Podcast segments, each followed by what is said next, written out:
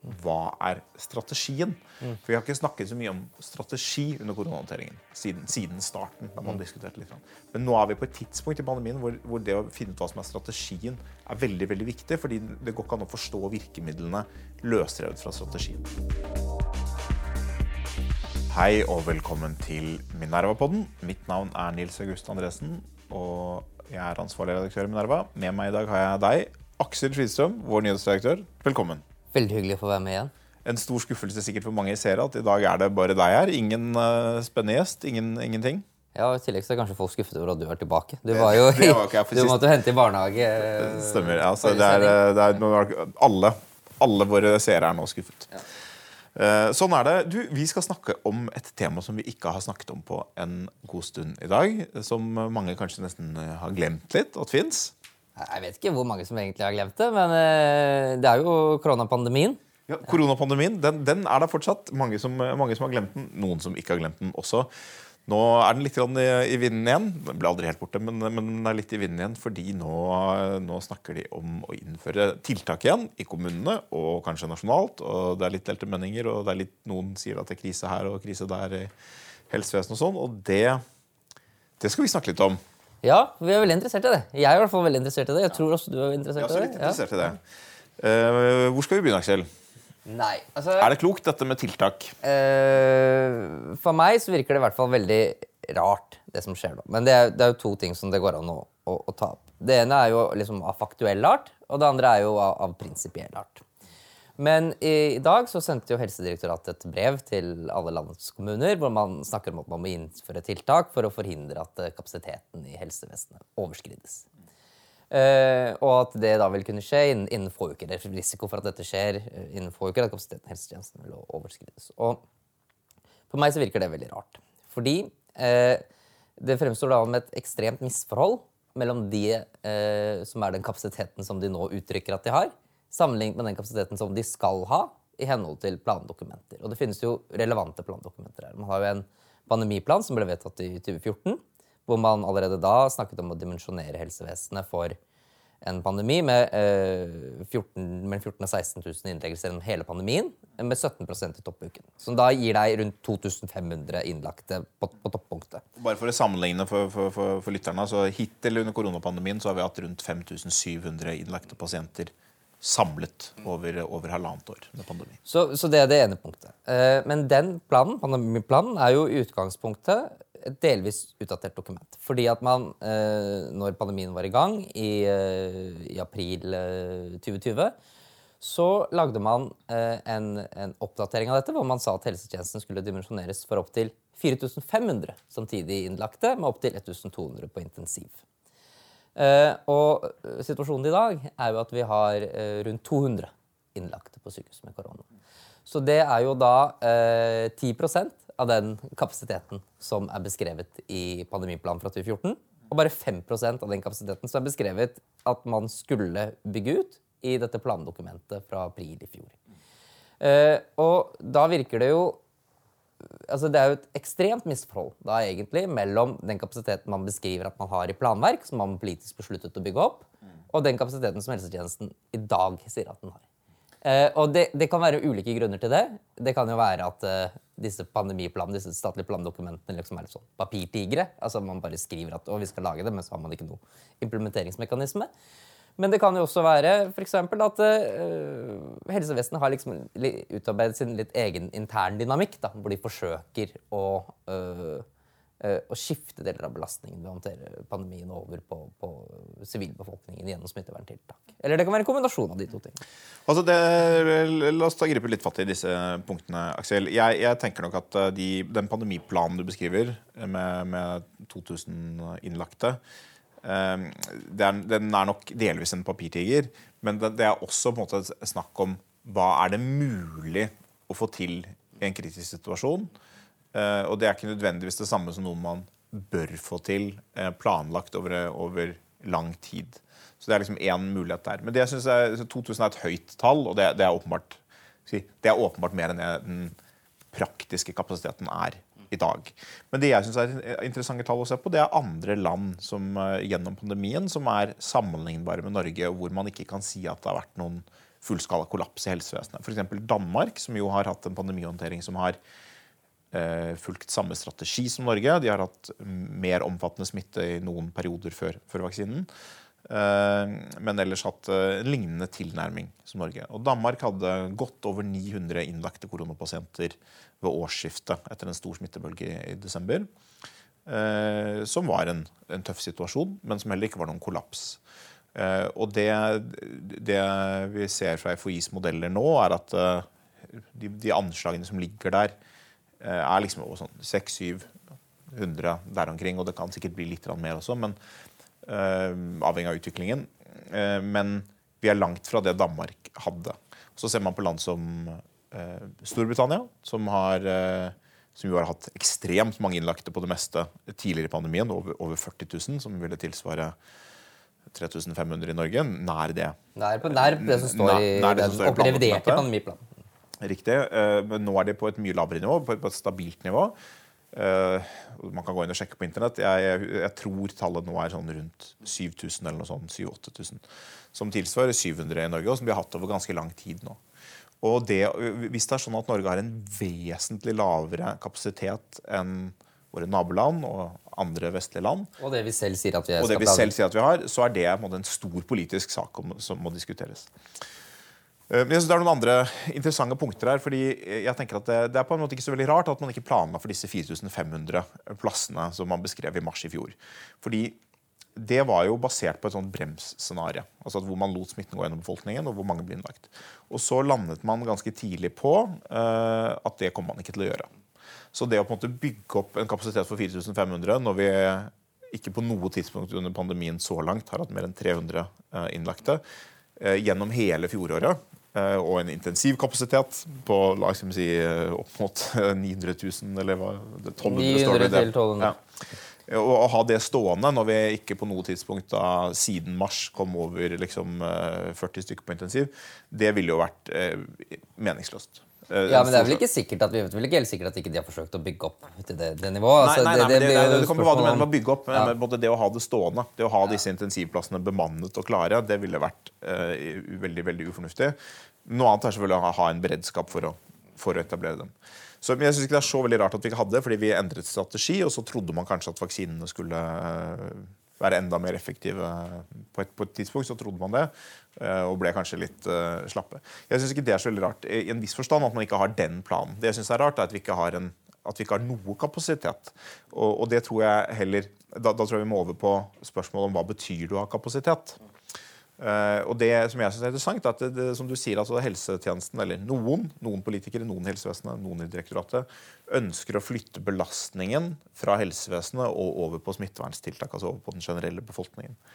Uh, og det er en veldig interessant endring i hvordan man har håndtert denne type spørsmål tidligere. Det er ikke umulig å argumentere for det.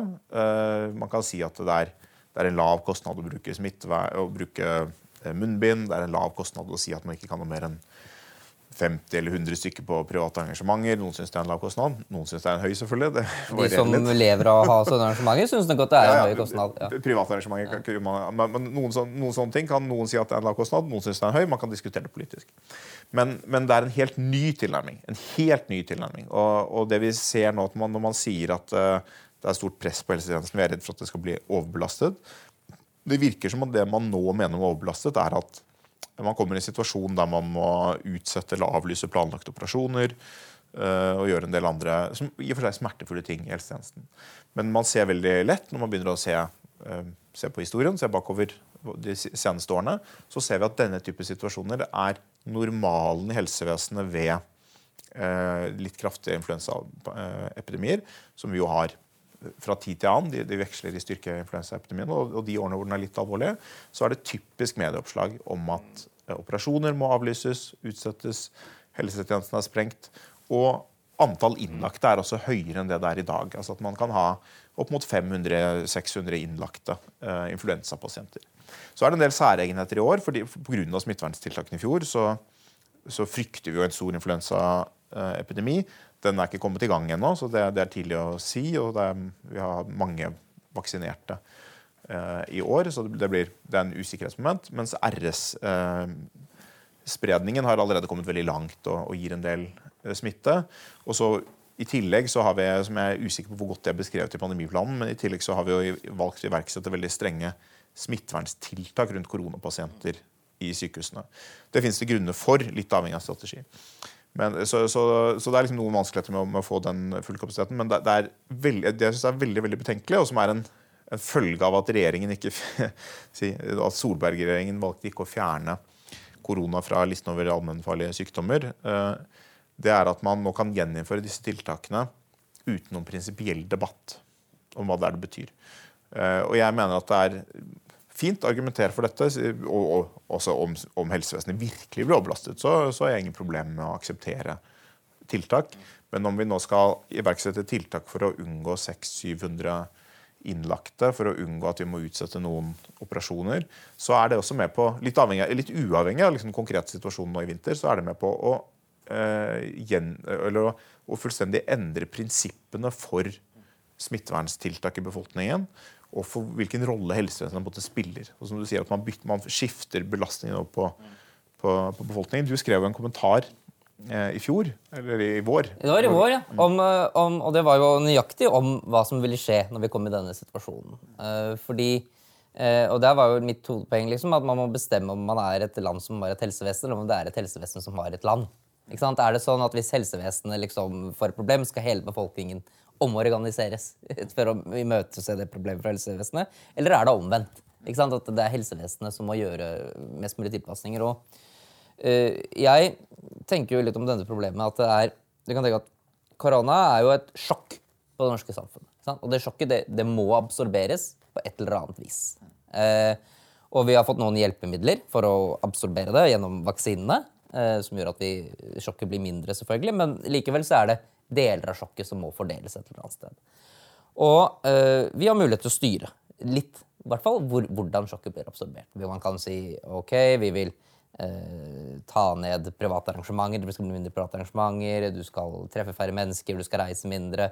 Eh, eller at helsevesenet liksom skal tåle en større belastning. Og, ja, enten oppjusteres eller ja. akseptere og, større. Eh, men det, er liksom det, mitt hovedpoeng er at det, av alle norske samfunnsfunksjoner så er det bare én samfunnsfunksjon som per definisjon er utformet for å absorbere et sånt sjokk.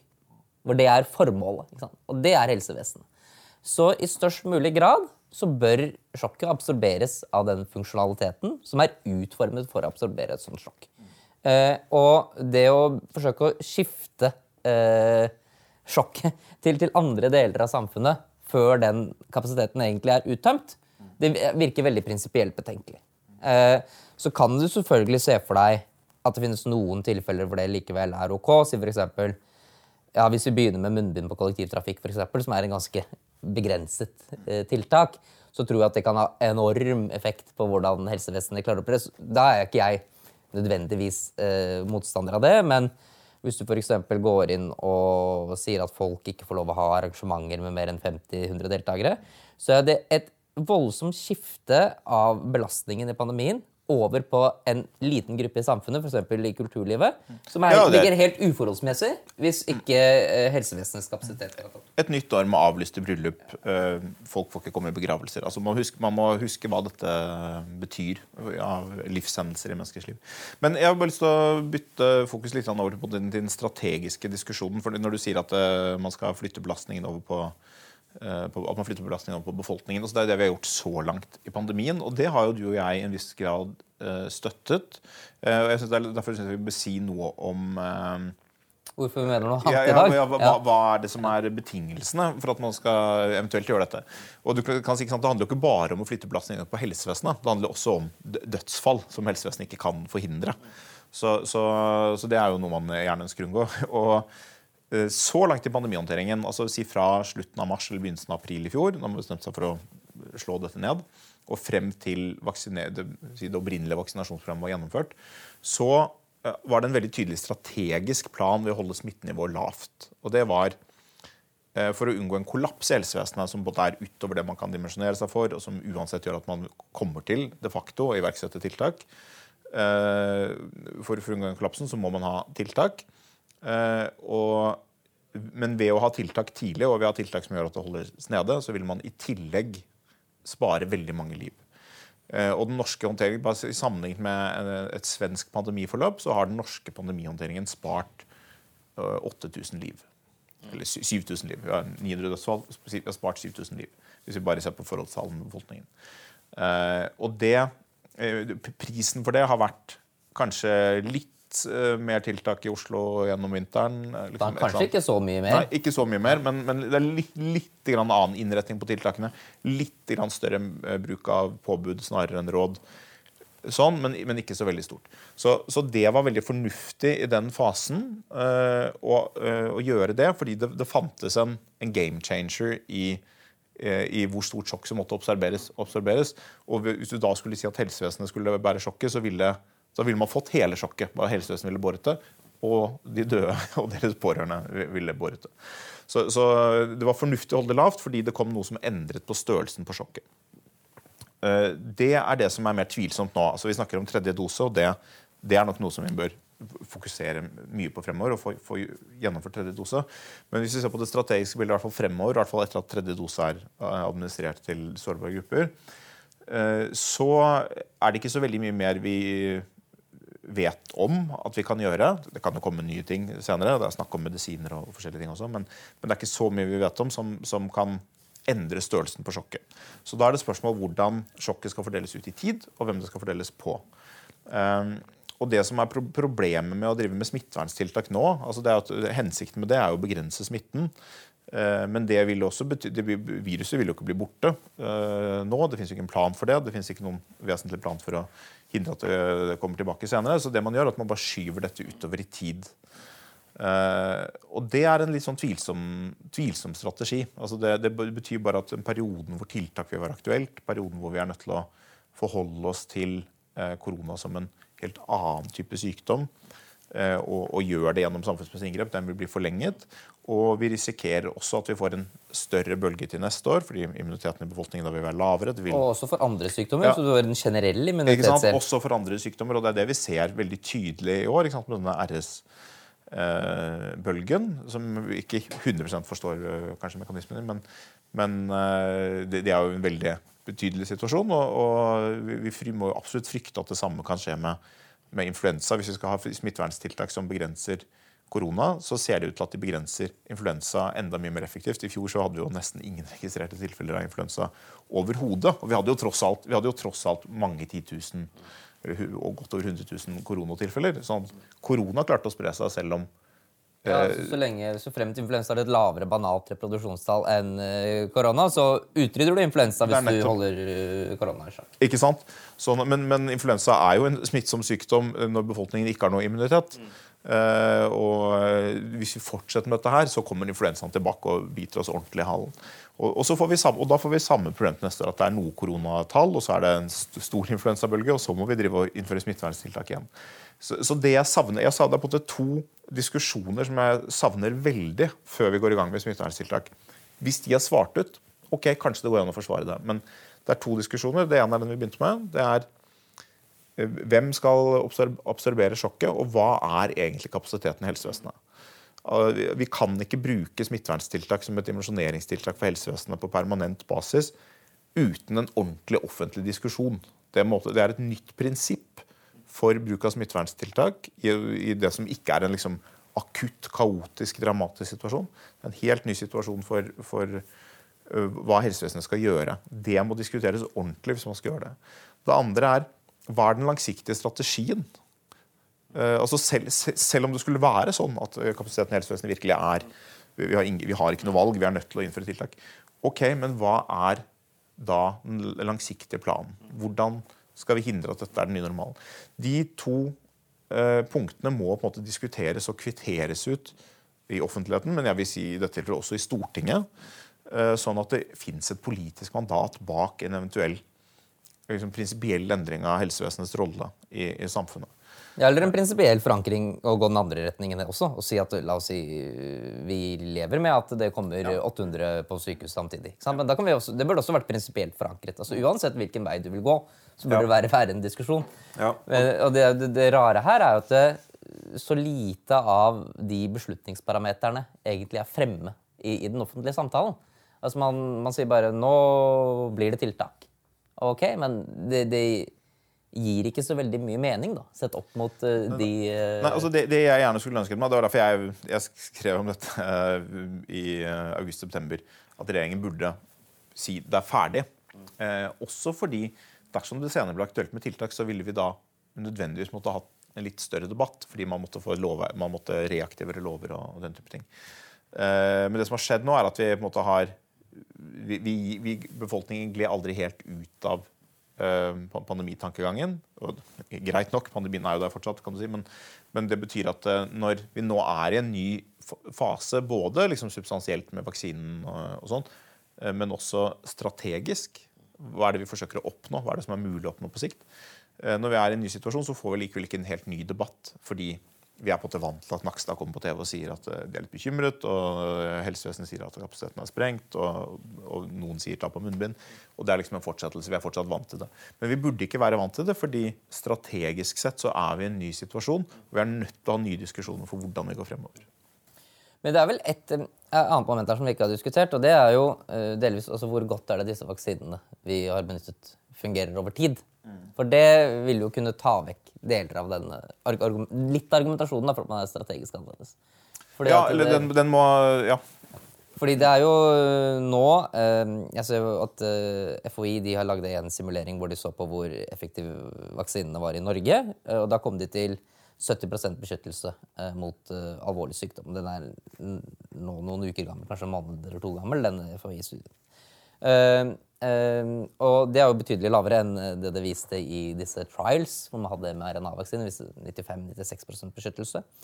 Uh, og så har det jo kommet en svensk studie som uh, nå ligger til fagvurdering i Lancet. Men man kan jo lese den som en preprint. Og der fremhever de at beskyttelsen for selv de beste vaksinene faller ganske fort løpet av løpet. Ja, så det faller spesielt etter ni måneder. Ja. Faller, så, ja. Mm. Og spesielt for eldre. Ni måneder er jo fort, da, kan man jo ja, ja, ja. Så, så, det, også det det viser, det er veldig interessant. Jeg, er usikker på om det hvor mye det endrer det strategiske bildet. Altså, det, det det viser, er én, vaksinene virker. Og i og for seg, hvis vi sammenligner med vi må huske på hva vi sammenligner med, sammenlignet med andre vaksiner, så er dette en god effekt. Men sammenlignet med, med, det, med det inntrykket som ble skapt av disse 95% og den liksom drømmen om å nesten utrydde korona gjennom vaksiner, så, så er det selvfølgelig skuffende. Og, og, det at det er en endring over tid, er, eh, er interessant. Og så er det, Hva gjør vi med dette? her? Altså, en mulighet er boosterdoser eh, og et håp om at en tredje dose vil ha en mye kraftigere effekt på, på antistoffproduksjon og, og, varighet. Og kanskje T-cellerespons. Det, det er det mange som har tro på, og det er uansett en viktig begrunnelse for en tredje dose. Hvis en tredje dose liksom per se ikke er tilstrekkelig, så blir jo spørsmålet mer om korona må bli en årlig vaksine, i hvert fall for, så, sånn, sånn, sånn, som influensavaksinen er, eh, for sårbare grupper. Uh, og så og sånn sett så er jeg usikker på om det er en sånn stor strategisk endring. Hvis det er noe som må gjøres årlig, ok, så er det noe som må gjøres årlig. Uh, hvis det er en tredje dose som må settes raskt, så er jo det så er det en slags endring av den strategiske dimensjonen som jeg beskrev. For da kan du si ok, da er vi fortsatt i en sånn situasjon hvor det er et eller annet vi skal rekke å få gjort uh, før vi begynner å fordele sjokket. Uh, så, det, jo, det, kan jo være en, en grei grunn. Altså Vi sier ok, vi er plutselig blitt oppmerksom på at vaksinene fungerer litt dårlig. Vi ønsker å revaksinere alle over 65 år, og derfor skal vi nå ha smitteverntiltak ja, i to-tre måneder til vi har gjort det. Men da må den begrunnelsen ja, det, fremlegges. Det er, det, sier, ikke, altså, liksom, uh... det er en mulig akseptabel grunn, men den, den, må være veldig tydelig på hva det er den forsøker å oppnå.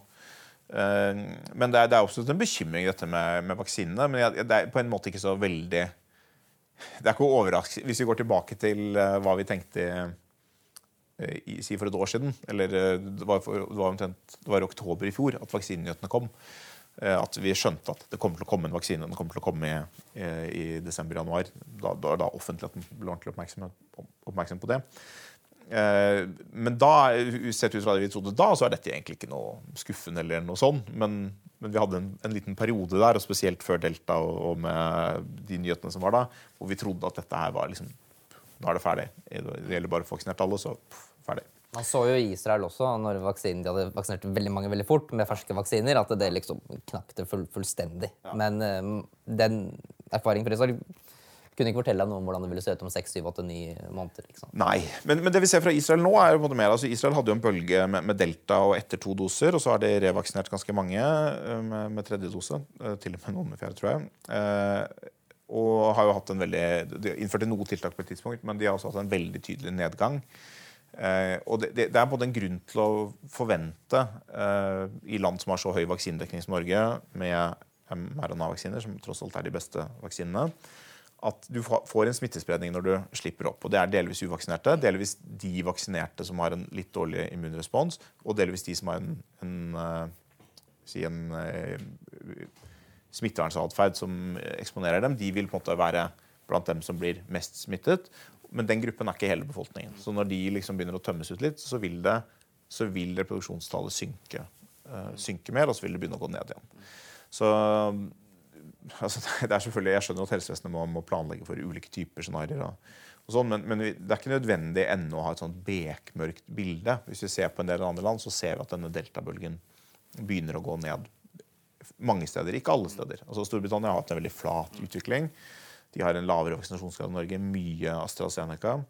Eh, og der har, det, der har de på en måte pandemi på et relativt høyt nivå. Eh, men, men et nivå som de lever med allikevel. kan du si. Det, er ikke, det er ikke sånn at jeg eskalerer. De har vel sikkert en, eh, de siste to-tre månedene hatt et reproduksjonstall på rundt én.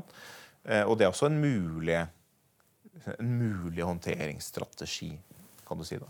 Det, jeg tror det, det viktige spørsmålet å svare på uansett er liksom, hva, er, hva er veien ut. Det, å argumentere for tredje dose det er greit, men det, men det som skjer hvis man sier det ikke sant? Når vi, gjør, når vi, vi må ha noe smitteverntiltak pga. Tredje dose, da, blir det også, eh, da får man også en diskusjon som eh, Eller da fremtvinger man eh, spørsmål til, til myndighetene. OK, hvor er Få denne ut, da, for F. Da, vi kan ikke sitte og liksom ha en chevalier holdning til, til hvor fort det skal gå. Da må jo det gå fort som svint for dem over 65. Få dette gjort. Og den diskusjonen er liksom litt, litt passiv. Og det er fordi vi aksepterer litt for lett at ja, ja, nå er det 197 på sykehus, da må vi vel ha tiltak. Og, og sånn kan det jo ikke være. fordi det er ikke noe meningsfullt prinsipp at ok, det nærmer seg 200 på sykehus, og det kan bli 600. Da må vi begynne å iverksette tiltak. Det gir ikke noe generell mening. Det er bare under helt spesifikke forhold at det gir mening som en strategi. Men eh, en annen ting som også er interessant, er, for at det, er jo, en ting er jo hva eh, helsemyndighetene mener. Sant? Men til slutt så er det jo også faktisk politikerne som må ta avgjørelser. Så nå går det jo brev til kommunen, så vil jo kanskje kommunen håndtere det litt grann forskjellig. Uh, og uh, I Tromsø for eksempel, så har du jo, de er vel blant de som har gått lengst med å innføre en del smitteverntiltak. Og, men det er ikke så veldig mange på, på sykehus der, egentlig. Altså Hvis man går inn og ser på natten. Jeg husker det var 10 eller 20. eller noe Ja, det var 20, og så sank det litt. Kom det ned til 11 eller noe sånt. Uh, men jeg frykter jo også at det her er ute, blitt til en sånn egen intern dynamikk der hvor eh, ok, helse, helsemyndighetene vil gjerne ha tiltak for å liksom delvis beskytte sitt, sitt eget system. Og politikerne er jo øh, følgelig også veldig redd for å si nei. For det, er, det er veldig ubehagelig som politiker å bli anklaget for å ikke gjøre nok. sant? Hvorfor gjør dere ikke nok? Eh, og jeg tror at det, eh, også uten å liksom ha en eh, dybdesamtale om hva er det vi forsøker å oppnå her, eh, så kommer det bare til å skape sin egen dynamikk, hvor man bare glir av sted uten at man liksom har, har sett opp liksom, det, det store bildet. Da. Jeg vet ikke liksom, du, hvilken oppfatning du Ja, jeg er helt enig i det. Så det, det, og det er jo på det mediene og det, du kan si det er mange som rammes av tiltak og, og vil bli eh, i økende grad irritert mm. hvis de har forventet at det nå skal være ferdig. Eh, så det er jo på en måte de som eh, de, de som rammes av politikk er de som, og mediene, er de som må si fra for å få en diskusjon. For det, jeg er ikke sikker på om, om alle i helsevesenet liksom ønsker seg mest mulig tiltak. Men hvis du har én gruppe som har en interesse i at noe skjer, eh, og de, er, og de er i en posisjon til å påvirke det, og ingen andre gjør noe, ja, da vil jo de vinne frem. Eh, Det er liksom logikken i mye, mye sånn politisk handling. Ja, Det det, det, mye politisk handling er er på den måten, eh, hvis ikke politikerne har veldig sterke egne syn eller, eller prinsipielle standpunkter. Så, så de som mener at det, de trenger en samtale, de må løfte den samtalen. Nå gjør vi det her i Minerva. Jeg tror det er både viktig at eh, la oss si VG, som har mye koronadekning, eh, Aftenposten også løfter disse spørsmålene prinsipielt. Det er et godt tema for Fredrik Solvang i debatten også. Hva er strategien? For Vi har ikke snakket så mye om strategi under koronahåndteringen siden, siden starten. da man diskuterte litt. Men nå er vi på et tidspunkt i pandemien hvor, hvor det å finne ut hva som er strategien, er veldig veldig viktig. fordi det går ikke an å forstå virkemidlene løsrevet fra strategien. Det er jeg enig i. Jeg tror vi kanskje skal gi oss på, på det, Aksel. Ja, med den oppfordringen. Fredrik Solvang, du hørte etter. Astrid Mæland i VG. Masse å skrive om her. Da får vi ønske alle våre lyttere og seere god helg. Takk for oss.